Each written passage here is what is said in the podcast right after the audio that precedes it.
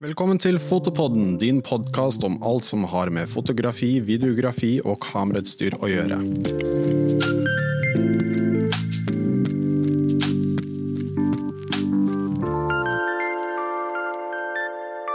Ok, Velkommen til eh, dagens episode. I dag har vi med en veldig spennende gjest. Han er en fotograf og videograf med over ti års erfaring. Hovedsakelig i musikkbransjen, mye konserter. Han er en ambassadør for Tamron, Lexar, Lowpro, Saramonic og Rotolite. Han jobber også som vanlig som fotograf hos Radio Rock og Metal Hammer Norway. I tillegg gjør han foredrag over hele Norge, er ofte å se på fotomesser og er en helt topp kar. Som er en av hovedgrunnene og en av mange grunner til at du var en av de første vi sendte melding til når vi skulle starte denne podkasten. Velkommen rockefotografen Kenneth Sporsheim. Ja, tusen takk for det, og takk for en fin intro. Det var riktig. Det var veldig riktig. Veldig mange eh, ambassadørskap. Ja, det er vel en av de i Norge som har flest ambassadørskap. Ja. Men hvis man ser bak merkene, så er det en rød tråd der via Focus Nordic. Mm. Det er de som står bak det meste, da, så det, det er de som er min samarbeidspartner. da. Vi skal komme litt tilbake på det litt sånn underveis, om, hvordan, om tips til andre som ønsker å få til sånn type samarbeid. Men vi begynner egentlig litt sånn på starten. Og et spørsmål som jeg vanligvis stiller eh, alle gjestene våre. Hvordan begynte du som fotograf? Husker du første gang du ble bitt av Ja, jeg hadde jo et eh, digitalkamera liggende. En eh, gammel Canon 300D eller noe, tror jeg. I 2006 eller 2007 eller noe sånt. Og jeg har jo kreativ utdannelse, så jeg har alltid hatt interesse for å skape bilder. Enten med tegninger eller eh, digitalt, eller ta bilder. da. Så det ble bare en hobby. sånn. Det var sånn ute i hagen og knipse litt blomster og bier. og Så gikk en lei etter eh, ti minutter, og så var det å gå inn igjen. Og så var det vel eh, slutten av 2008. Da var det noen kompiser av meg i Trondheim som skulle ha release på debutskiva si. Og de hadde jo ikke budsjett til å hyre inn fotograf. Så de spurte meg fint om ikke jeg kunne ta turen og prøve å ta noen bilder mot å få en øl eller noe. tenkte jeg, kan, jeg kan alltid prøve. Uh, og jeg kjente det allerede første minuttet når jeg begynte å ta konsertbilder, at det var noe som våkna i meg. Og da ble jeg fullstendig bitt av basillen. Så har det bare gått slag i slag derifra. Fra en liten uh, kjellerscene i Trondheim til uh, reise verden rundt.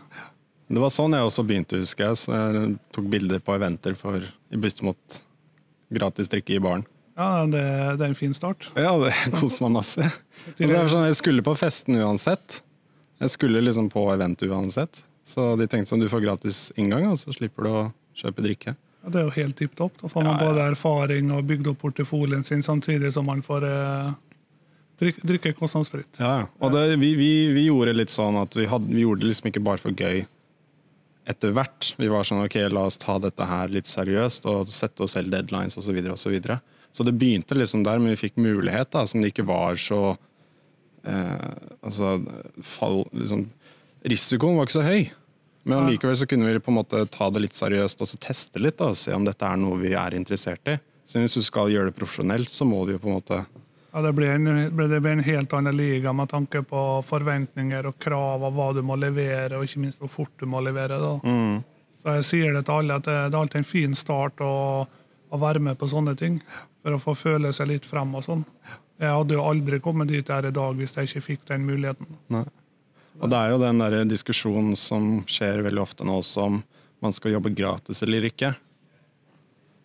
Ja, det, det er jo en eh, evinnelig diskusjon det aldri blir slutt på. jeg tenkte Ja. å si, Men eh, jeg tenker sådan at eh, sånn For min del, jeg er jo en betalt fotograf. Jeg er en av de få som også får betalt for å være til stede på konserter og sånn.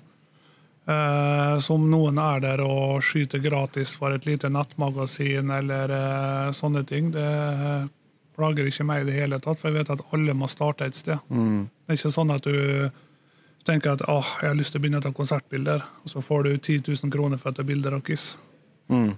Man må være realistisk og starte et sted. Man må bygge opp Ja. en portefolie, erfaring og ikke minst eh, bygge opp et kontaktnettverk. Ja. For Så lenge ingen vet hvem du er, så tør de heller ikke betale for det. Ja, og du, du må jo på en måte også kunne um, fortelle dem hvorfor du skal få betalt, og du må kunne prislegge deg selv riktig og argumentere for hvorfor du også skal ha penger, men på starten så er det veldig vanskelig. Så du har ikke noe erfaring. og Nei, Jeg kan ikke, bare, kan ikke bare si at jo, jeg vet jeg kan levere fete bilder. Ja. Hvis du ikke har noe å vise til, så det blir, det, det, det blir som å prøve å kjøpe eller leie en bil. Si at jo, jeg har lappen, men du har, du, har, du har den bare ikke med deg. Sant? Ja, jeg lover. Jeg sverger, jeg har lappen. Jeg kan vise det etterpå. Ja. Nei, husker du, husk, eh, Hva var ditt eh, første kamera? Husker du det? Tenker du digitalt eller kamera generelt? Eh, generelt. Eh, Jeg tjuvlånte eh, Jeg husker ikke hva heter modellen, men Canon 500E eller noe. Ja. hun fikk i konfirmasjonsgave i 94. Den tjuvlånte jeg, så I utgangspunktet så var det egentlig ikke mitt kamera, Nei. men jeg bare lånte det over veldig veldig lang tid. Men sånn første jeg kjøpte selv, det var den Canon 300D jeg snakka om i 2006 eller 2007. Mm. Så det, jeg fotografert digitalt da i det 13 året nå. Var det en litt sånn et, en stor beslutning, holdt jeg på å si, det å liksom gå for ditt første kamera? Siden det er jo når du på en måte ikke ennå har begynt å tjene på å ha utstyr, så er jo det en ganske stor investering å på en måte satse litt. Ja, Da var jeg heldig og fikk det ganske billig med en eh, fotograf som skulle oppgradere. Mm. eh, som ville hjelpe meg. Ja. Så jeg var heldig sånn sett, jeg betalte egentlig ikke så mye for det. Nei. Eh, Og Grunnen til at jeg investerte i kamera, var jo at fra 2003 til 2006 Det er ikke mange som vet det, men da studerte jeg interiørdesign. Jeg mangler bare ett år på bachelorgrad som interiørdesigner. Og det, det er ikke mange som tror når de ser meg. da. Nei. Så tanken var jo å ha et kamera og ta bilde av før og etter når jeg fikk designoppgaver og sånt på faktiske leiligheter. da. Så det var liksom litt det som var tanken. da. Pluss å vedlikeholde kreativiteten med å ja, løpe etter bien ut i hagen og ta litt bilder. da. Så det var liksom sånn det, sånn det hele starta. Ja, det er en litt sånn eh, Veldig ofte at kreative mennesker vanligvis går etter så var, Intensjonen din var jo da sikkert å bli interiørdesigner, men så Ja. Så liksom, eh, Da så jeg bare på et kamera som et nødvendig verktøy for å dokumentere jobben min. da. Men eh, etter jeg ble bitt av basillen, så tror ikke jeg har designet en eneste leilighet. Ja. Nei, bare ferdig. Ja, det ble, jeg mista interessen. Da var det fotoet som gjaldt. Ja, men det er, det er veldig vanlig, tror jeg, sånn at eh, Siden jeg selv også husker det at det liksom Jeg gikk jo på filmskole, men etter det så tenkte jeg selvfølgelig som alle andre at jeg måtte ha en ordentlig jobb. Og at det å tjene penger på å leve som fotograf og det å kunne leve av det, var egentlig ikke noe særlig mulighet til å gjøre. Men at jeg da så det som en hobby. Men det, det var et eller annet med det som gjorde at jeg ikke klarte å gi slipp på den drømmen. da. Ja, det er akkurat som jeg hadde på samme måte. Da. Så jeg hadde en del forskjellige strøjobber opp gjennom. Ja. Eh, for jeg tenkte at eh, jeg vil ikke klare å overleve på det her. da. Eh, men etter hvert så så jeg at jeg måtte liksom gå all in hvis jeg skulle klare å tjene penger på det. Det, det er litt vanskelig å ta det som en deltidshobby for å se om du kan tjene penger på det. Skal du klare å leve av det, så må du gå all in. Så, men jeg, jeg har vært gjennom perioder jeg, før jeg ble sponset og sånn. da. Hvis jeg f.eks. skulle ha et nytt objektiv, visste jeg at det betydde jo to svartjobber eh, ute i Bærum og eh, 14 dager på nudler eller havregrøt for å Ja. ha råd til det. Men jeg, jeg, var så bestemt på at jeg skulle nå frem til det målet. Så ingenting skulle stoppe meg, selv om jeg måtte drikke pulverkaffe fra First Price. og jeg jeg visste at det var verdt det når jeg først satt der med det objektivet i hånden. Ja. Jeg har vært gjennom den der First Price-perioden jeg også, hvor jeg måtte liksom gå etter telle kronestykkene i butikken. Men eh, det er som eh, Det var en som sa til meg en gang, jeg husker en, en, en, en eh, gatemusiker. Og Hun spiller på gata, men hun sa at det viktigste er ikke hvor mye penger jeg tjener, men det er hvor pengene kommer fra. Ja. Og det er bare det at liksom, hun kunne ha en jobb hvor hun jobbet sånn en gang iblant og, og spilt på gata utenom, men hun må liksom gå all in, og hun må liksom vite at de pengene jeg tjener, er fra musikken. Ja. Og jeg tror det også er litt sånn Jeg føler også det litt at de At jeg kan betale husleia med eh, å leve som fotograf, er, er noe, en stolthet rundt det, da. Ja, for, det, for det, det er jo helt klart at jeg har, har ofra mye penger eh, for å nå målene mine. Eh, Jeg startet jo et sted, og jeg var jo veldig tidlig klar over at jeg kunne ikke gape over for mye til å begynne med. Så jeg starta med å sette dem opp små delmål hele veien. Eh, og det er liksom Du vet det at det er det usikkert fra, fra måned til måned fra den tiden du bruker for å nå delmålene dine. Eh, Men det som jeg sier, når du først lykkes, så er det så deilig. Du kan gå inn i nettbanken og liksom, jeg får betalt husleie og siste avdraget på kamerautstyret eller whatever, liksom. Det er så veldig god følelse. For jeg, jeg, har, hatt veld, jeg har hatt tidligere hatt veldig god betalt jobb, da. Eh, Jeg har jobbet som snekker, jeg har vært sjømann, jeg har gjort mye opp gjennom årene. Jeg, jeg har tjent så mye at jeg aldri trengte å bekymre meg. Men det som du sier, at når jeg betalte de faste utgiftene hver måned, for lønna kom jo på faste datoer. Det, det var ikke samme gleden som det er nå. Det har litt det stresset når det begynner å nærme seg. liksom, Vil, vil det firmaet betale fakturaen i tide, liksom? Ja. Så det er litt sånn usikkerhet og stress akkurat der, da. Men eh, nå har jeg det mye lettere enn jeg hadde før, for nå har jeg en samboer som støtter meg 100 Eh, Hun vil jo at jeg skal, for hun ser jo gleden jeg har i det, og engasjementet og energien jeg får ut av det. Hvis det går for mange dager uten at jeg jobber med et eller annet, så ser hun på meg at jeg blir smådeppa, liksom. Ja. Jeg sitter bare i godstolen og ser på trash-TV og forfaller, liksom. Jeg, jeg mister gnisten, så jeg må ha det inputen hele tiden. Så det, det er helt inne i balansegang, da. Ja, det er interessant du sier. Nei, jeg, jeg, jeg tenker, tenker litt det samme også, bare sånn eh, Man ender jo opp med å jobbe litt for mye noen ganger, og det er snakk om den utbrentheten. Eh, mye snakk om det nå i disse tider, og da er det på en måte sånn Man må, man må kjenne på kroppen sin selv veldig, men eh, heller jobbe for mye enn å ikke jobbe i det hele tatt, eller gjøre noe annet, tenker jeg. Ja, det, egentlig. det, det frilanslivet, det som sagt, det har jo sine utfordringer, men det har også sine fordeler. Du kan styre veldig mye sjøl. Hvis du kjenner at nå, nå må jeg ta det litt rolig, så har du ingen andre enn deg sjøl å ta den avgjørelsen med. At det liksom, okay, Nå reiser jeg bort på en lang weekend. Jeg kjører hjem til mamma på Vestlandet og bare sover og spiser i fire dager, liksom. Og det, det er litt deilig, den friheten. da. Istedenfor at jeg må slavisk jobbe etter klokka og andre, liksom. Når andre forventer og krever at jeg skal komme på jobb klokka sju og jobbe til tre, Ja. da blir jeg litt sånn stressa, for jeg, jeg, jeg hater eh, ting som repeterer seg. Ja.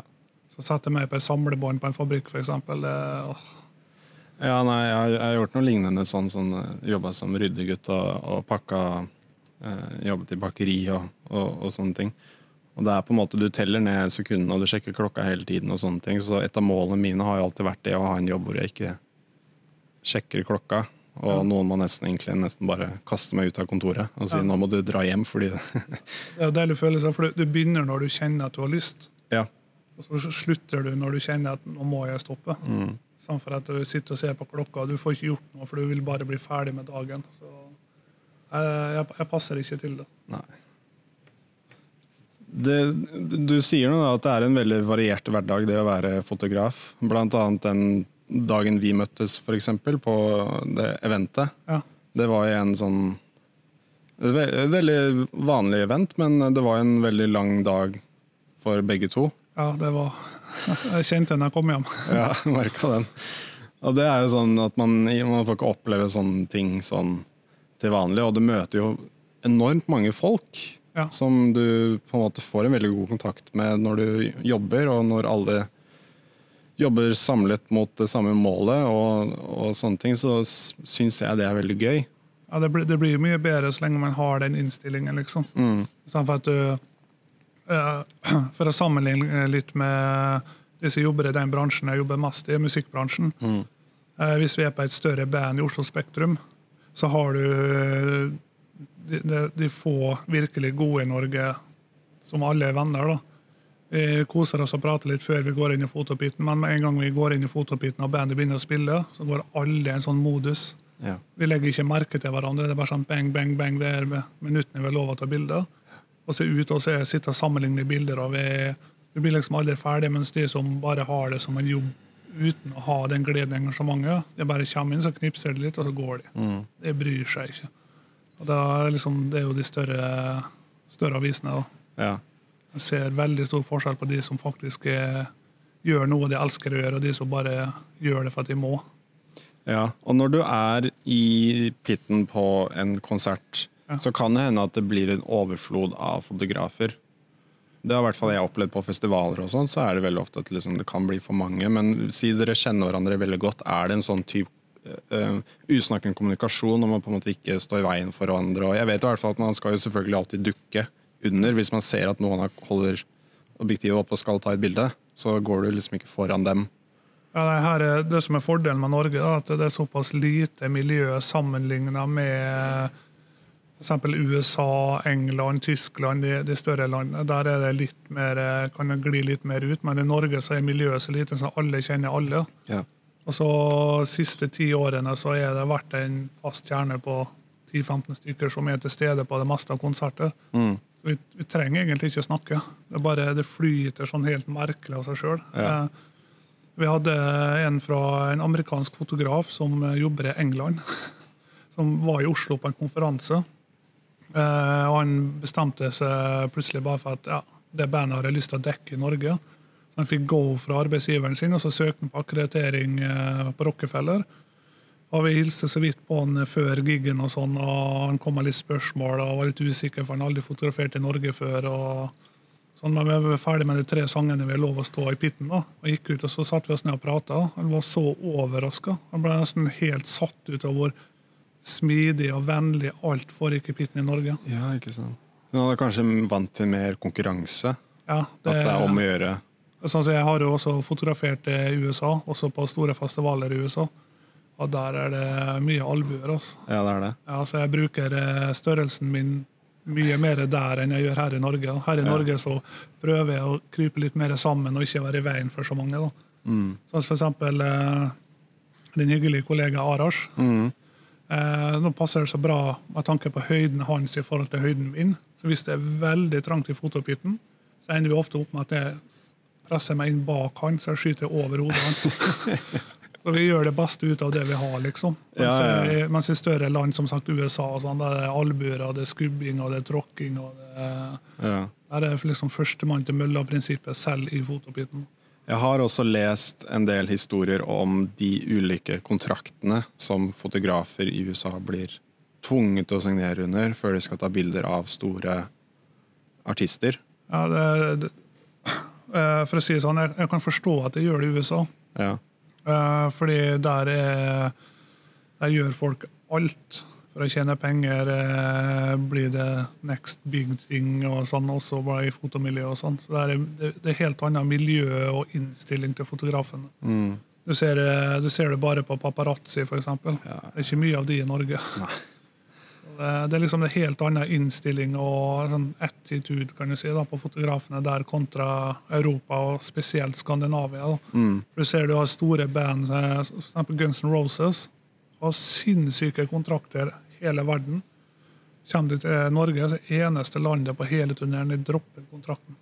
De gjør det? Ja, For de stoler på norske fotografer. For vi, vi har så godt rykte på at vi, når vi sier at vi ikke skal gjøre noe vi ikke har lov til, så gjør vi det ikke. Nei. Så alle de store artistene utenom et ekstremt lite antall dropper kontrakten i Norge. Jøss. Eh, Men selvfølgelig det er også veldig god innsats fra Live Nation og de folkene som forklarer det til management og band og sånn. Men veldig mange band er nå blitt klar over det at i Norge så er det trygt. Mm. Det er ingen som utnytter seg, benytter seg. Vi, lager, vi selger ikke bildene ulovlig. Vi trykker ikke ulovlig merch. Selger bilder til bootleg, sånn som det gjør i USA. da. For USA er mye mer eh, det, det er press og jaget etter å tjene penger og utnytte hverandre. og Businessen er en helt annen enn i Norge. da. Så det, Jeg fikk sjokk første gangen jeg var i Las Vegas for å jobbe. da. Ja, hvor du fikk en sånn kontrakt? Ja, nei, Jeg signerte ikke noen kontrakt, for jeg, jeg jobbet med, med band som spilte på festivalen. da. Ja. Men liksom innstillingen til de andre fotografene og sånn. Så bare Ja. flytt dere, her skal jeg fram, for jeg skal ha det bildet, for nå skal jeg tjene penger. liksom. ja, ikke sant. Jeg tenkte bare wow. Nei, men det, det, det, det liker jeg veldig godt å høre. Da. Det syns jeg, jeg er interessant å høre. At Norge har et såpass bra rykte. Ja, for så står vi som union sammen. Ja, Så nå, de fleste turmanagere og management sånn vet at de kommer til Norge nå, hvis de presser oss til eh, at vi sier at nei, vi nekter å droppe kontrakten, vi må signere den kontrakten, mm. snur hele Presse-Norge ryggen til og går. Ja ikke sant. Alt fra VG til minste nettavis, for vi, vi samarbeider så godt i Norge. Var det ikke, nå må, du, nå må du korrigere meg hvis jeg tar feil, men jeg husker at det var noe Jeg filmet på Øya et år, da det første året det var på Tøyen, på Tøyenparken. Ja, sant. Hvor jeg fikk streng beskjed om å ikke i det hele tatt filme scenen ja. på noen som helst måte. Uh, det har det Når det kommer til video, så er det de er mest redd for, der er jo lydopptakene. Ja. Det er det de er mest bekymra for. Det er derfor sånn eh, Hvis du søker på forhånd, så får du veldig ofte lov å filme, Mm. men du får maks 30 sekunder Ja. med lyd. ja. For det kan du ikke gjøre så mye med. Du kan ikke selge en bootleg-skive med 30 sekunder lyd på. Så uh, det, det ligger der, da. Så det har bare med lyden å gjøre. Da. For jeg, jeg spurte en turmanager om det der. da. For Jeg ble litt nysgjerrig på det sjøl. Hvorfor er det greit at det står 10 000 og tar bilder ute i salen med mobiler og sånn? Eh, og, og, og, det, og filmer, da. Og det blir litt det samme som med bildene de tar med mobil. Om de filmer med mobil, kvaliteten er ikke bra nok til å utnytte kommersielt. da. Mm. Mens vi som står foran scenen, hvis vi filmer tre låter da, med profesjonelt utstyr og lyd, så kan vi fort begynne å tjene penger på det. Og Det Ja. blir litt som å kopiere sangene MP3-er, og det blir ja, jeg skjønner. Så det er der det ligger, da. Jeg husker også da Eminem spilte her i, i, i fjor. Da, da var det også Det var jo null presse. Ingen fotografer fikk lov til å ta bilder her i det hele tatt. Og alle kameraene ble tatt ifra av folk Ja, det, som gikk inn. det, det er ganske vanlig blant de største, aller største artistene, fordi de, de får en sånn syk innstilling på at de skal kontrollere alt som er i omløp av bilder av det. Men igjen så tror jeg mye av det ligger med den eh, mentaliteten de møter blant fotografer i USA spesielt. Da. Ja. Og det er ikke alle av de som skjønner at de slipper sånn i Norge. Mm. For- For det vi tenker i Norge, hvis vi har tatt et uheldig bilde, sånn som det Beyoncé-bildet som gikk Ja. eh, Det var en amerikansk fotograf selvfølgelig, som sa i et snitt å skape litt blest om sitt eget navn og mulig tjene litt kroner på det bildet. Og Det er sånne typer hendelser som gjør at de er så strenge på kontraktene. Jeg husker det, det var et par år siden nå. Det var liksom det som startet den de, de veldig strenge kontraktene. Som de alle andre begynte med også. Det var jo det at Beyoncé hadde veldig mange uheldige bilder der ute som ble lagt ut. Ja, og det, det er jo livredd for at sånne bilder skal komme Ja, flytende, for når det først kommer på nett, så er det vanskelig å kvitte seg med det. det er det. Og det, det skjønner jeg absolutt. Veldig mange ønsker jo den, der, den livsstilen med å på en måte reise og ta bilder. Ja. Eh, og tror eh, Veldig mange har den der romantiserte versjonen av hvordan det livet faktisk er. Men når du går ut og faktisk gjør det, så ender du opp med å innse at det er mye mer jobb Ja. enn man hadde trodd. Det, det de ser, og det de tror det er, og det de ønsker det skal være. Det, for de som når lengst av oss, så er det maks rundt 5% av hverdagen vår. Ja.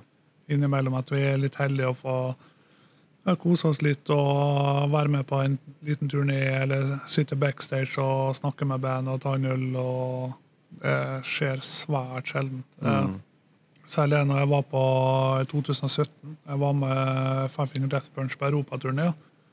Så var det mange som misunte meg og tenkte åh, for det det er vel kanskje ikke så svære i Norge ennå, men USA og mesteparten av Europa så er det stadionband, så det er ganske svært. da. Og og mange tenkte bare fy faen, du er heldig som får henge med de gutta der. Jeg så de nesten ikke. Jeg, så de når de var på scenen. Jeg kunne gå forbi de og hilse på de når det var matservering og sånn. ja. Ellers så så jeg det ikke. Nei. Og alt det besto av meg, det var eh, Jeg begynte å ta bilder når konserten starta. Jeg løp jo overalt. Det var å ta bilder på scenen, foran scenen, gå bak, ta bilder for å få med publikum. Jeg skulle dekke alle vinkler fra konserten. eh, som varte halvannen to timer.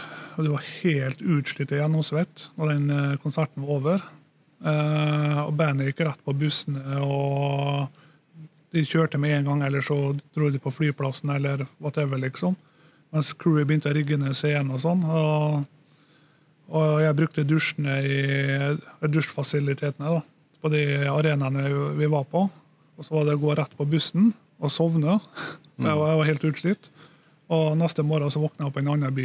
Yeah. Det var liksom å prøve å våkne til og så begynne å jobbe som faen med bildene og drikke kaffe og liksom, ah, rekke å spise frokost. At du er helt ferdig med alt før neste gig begynner igjen. Da. ja. Så det, det er ikke sånn glory-liv så folk skal ha det til. da. Nei, det er liksom man, man tror Altså, jeg trodde også det. Jeg var såpass naiv før jeg begynte å, å jobbe med Jeg har reist litt, rann, og før jeg gjorde det, så trodde jeg at det var litt sånn at du Jeg så det på som at man skulle på ferie. Ja. Og det er jo ikke det i det hele tatt. Jeg tror jeg sov i to døgn da jeg kom hjem. Jeg var, jeg, jeg var så sliten av reisingen og tidsforskjeller og fly én dag og buss neste dag. og Du går på bussen og legger deg i Frankrike, våkner opp i Tyskland. og det, det går helt i surr, liksom.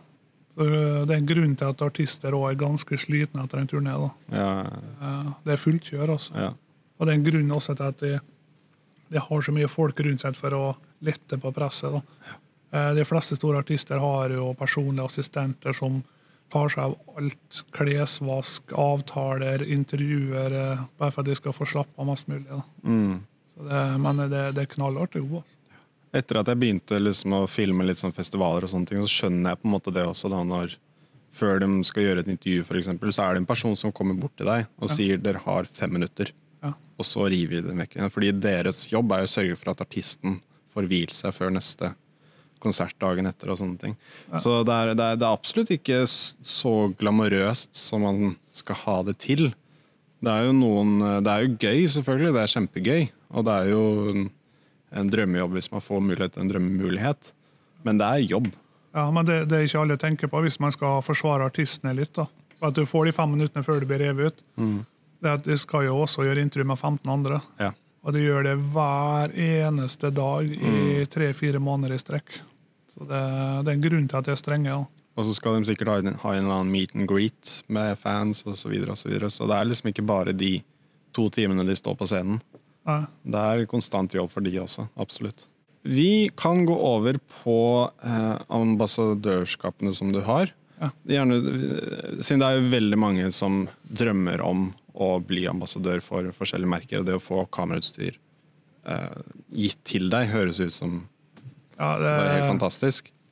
det, det, det er ikke bare fantastisk. Det er veldig mye krav som veldig ofte ligger bak. da.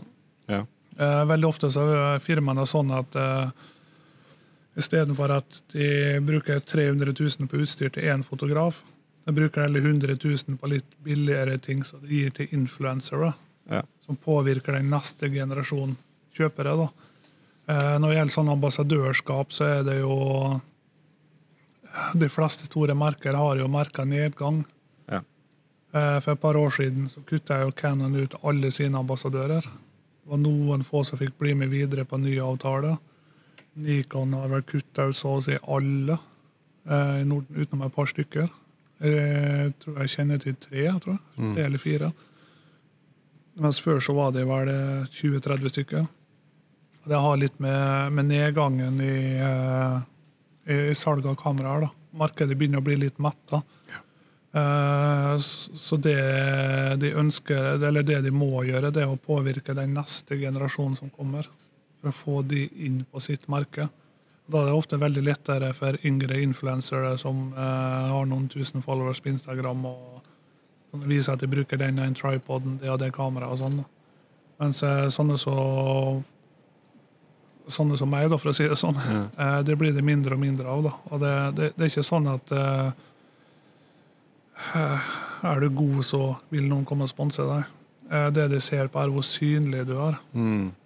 Det eneste de bryr seg om. For de vil, vil at du skal brande det mest mulig. Eh, og Det er jo derfor jeg også ofte holder foredrag. Jeg er alltid til stede på fotomasser for de gjeldende merkene. og sånn da. Det er for at jeg hele tiden må bruke mye tid på å brande produktene jeg er sponsa med. da. så er det alltid sånn at etter et par år så setter man seg ned sammen og ser over har det fungert. Er det noe vi kan gjøre for at det skal fungere bedre? Eller så ser det nei, det her fungerer ikke. Da får du tilbud om å kjøpe ut utstyret billig, og så river de sund kontrakten. Mm. Så det, det er ikke sånn at man hvis man først begynner å bli sponsa, så er man safe, liksom. Nei. Man må liksom virkelig stå på og, og jobbe, og det Jeg har hørt folk komme til meg og klage liksom, hvorfor får du så mye spons når ikke jeg får noe? Jeg er jo like god som deg. Men, det er jo ikke det det handler om. Det, det, det sjeldne bryr seg om hvor god du er, Mm. men det er hvor synlig du er. Selvfølgelig er det litt sammenheng om at jo bedre du er, jo mer synlig er du. Selvfølgelig. Men jeg ser aldri bare på det, da. Så så det må jo egentlig være mitt tips hvis noen ønsker å få litt sponsdealer eller eh, være en influenser, som det heter. da. Eh, du har mange grader av ambassadør. da. Eh, ta eksempel eh, Rotolight. Der har de de største. De som har 300 500 000 followers på YouTube. sånne ting. De, de heter Masters of Light. Og de får jo så mye de bare vil. Og så har du vanlige ambassadører som får en standardpakke. Så har du influensere som får litt små produkter bare for at det skal være med. Da. Så det er sånn Eh, så det enkleste er kanskje egentlig å prøve å få foten innom et eller annet sted som influenser. Mm. Så Man må bare sørge for at du er, du er synlig. Og hvis du gjør en veldig god jobb som influenser, så har du også muligheten til at det kanskje tar deg opp på neste steg. da. Så det, det er ikke sånn at uh, det, nå, er, nå er jeg god til å ta bilder, jeg har 1000 followers på Instagram, nå skal jeg ha alt jeg vil ha av Canon, f.eks. Det, er ikke sånn det fungerer, da, dessverre.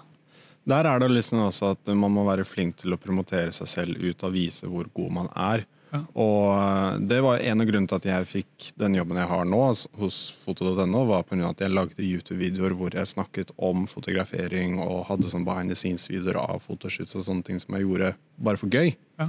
Og så hadde jeg på en måte det å vise til på intervju osv. Og, så og det ender jo opp med at man, man må jo ha noe å vise til Ja. før man faktisk når ut. Man, det er bare å sende de mail og sånne ting.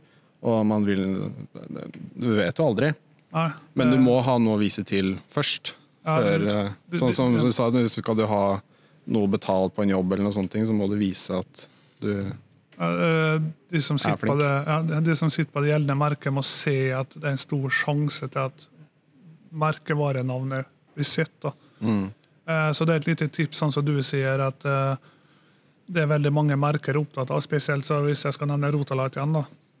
Eh, Det som er viktig for de som jobber med Rotalight Jeg, jeg, jeg fløy over til England, det, det er engelsk merke.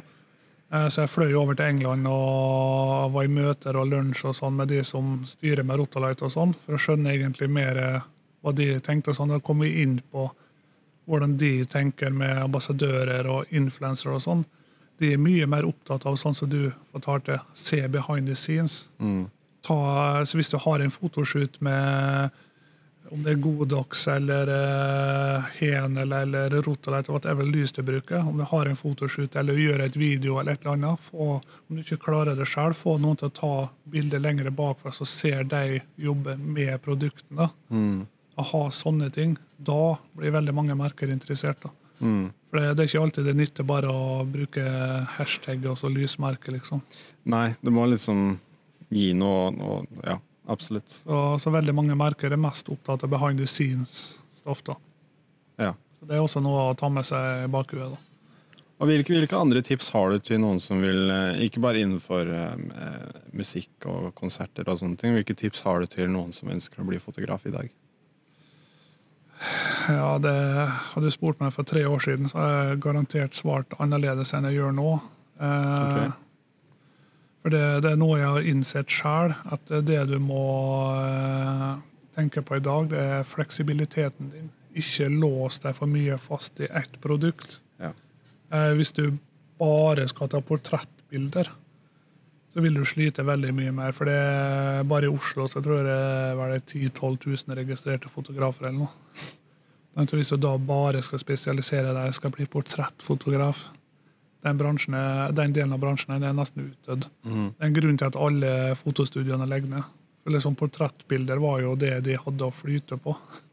Nå har de ikke den biten lenger. Eh, Så, så liksom, hvis jeg skal komme med ett konkret tips, så er det kjør både bilder og video. For, ve Ja. for veldig mange vil kreve at du leverer begge deler. De har kanskje ikke budsjett til å leie inn to. Hvis du da bare kan levere bilde eller bare video, så, så vil de ha både stills og video. Så selvfølgelig tar de en som kan mestre begge deler. Da. Så det, det må være mitt eneste tips. da. Det er absolutt jeg merket, og jeg er helt enig. Og man må nå forstå begge. Ja. Eh, Så det Begge var, deler. var litt den biten hvorfor jeg også nå begynte å gå mer og mer over på video. Det var ikke for at jeg hadde så veldig lyst, at det var det jeg brente for. og sånn. Var at jeg følte at det var nødvendig. Selvfølgelig liker jeg å gjøre video. Det, det er ofte en fordel, da. Men eh, at jeg starta med video, var det mer at jeg måtte enn at jeg absolutt ville. da. ja. Så det, så vær fleksibel. Ja, absolutt. Og eh, litt det samme som jeg også. Jeg har sett på en måte behovene. Jeg klart, etter hvert så har jeg på en måte prøvd å forstå behovene som veldig mange kunder har, og så har jeg lært meg veldig mange av de som f.eks. det å sette seg inn i After Effects og animasjon og litt sånn grafisk motion graphics og sånne ting. Det er ikke noe jeg liker å gjøre, men jeg vet at det er et veldig stort behov der ute for sånne type uh, filmer.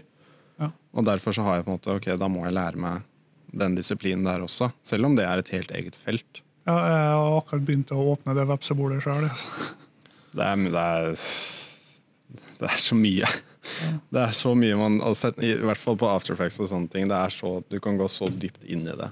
Ja, jeg, jeg, jeg, jeg tør ikke Som sagt, jeg, eh, jeg har også en del utdannelse som eh, grafisk designer. Jeg tok jo det etter jeg var ferdig som interiørdesigner.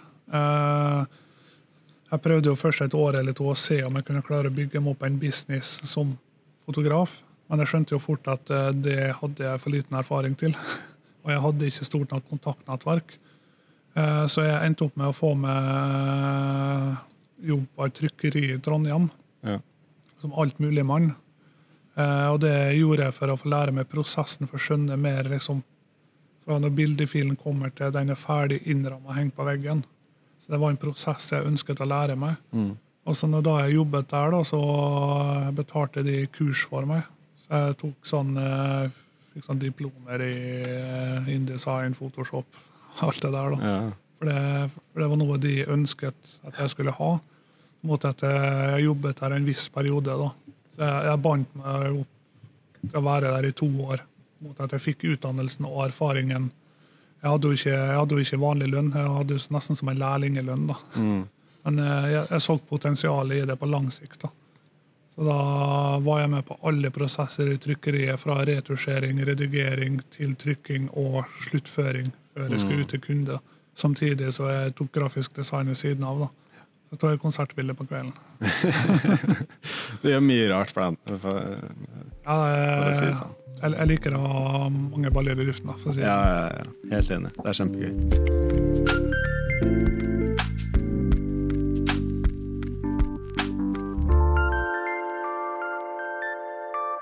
Vi skal over på ukens anbefalinger.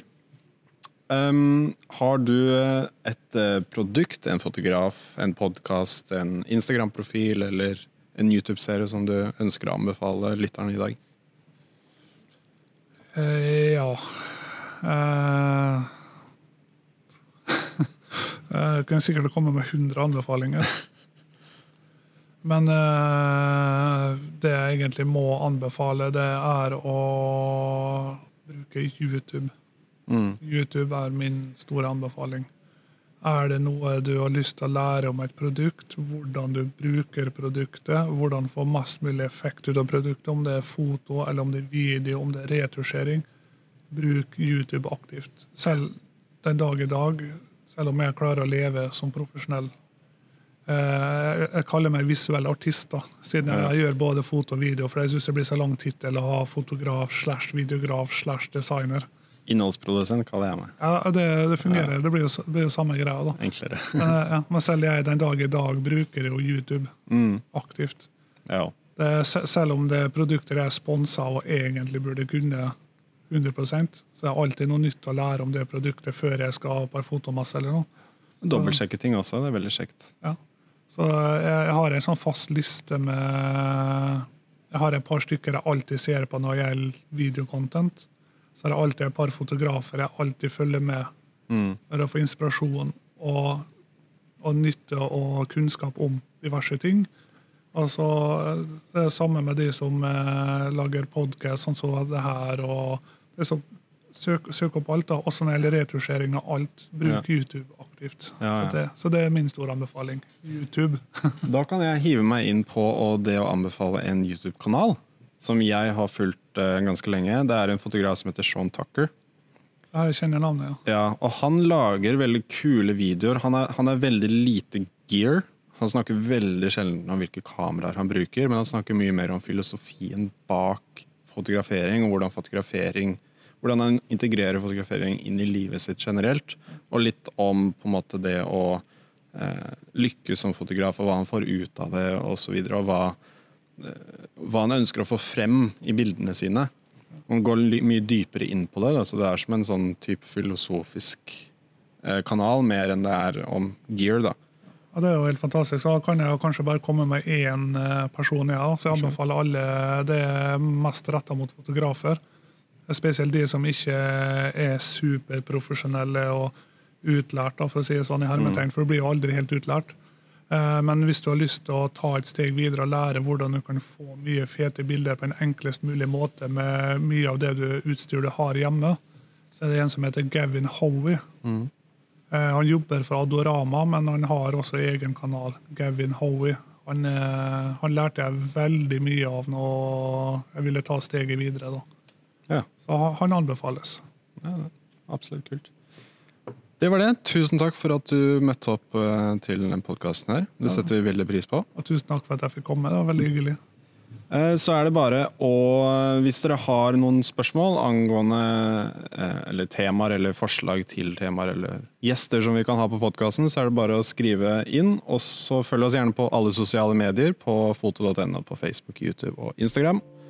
Og så ses vi i en ny episode neste uke. Snakkes. Peace out!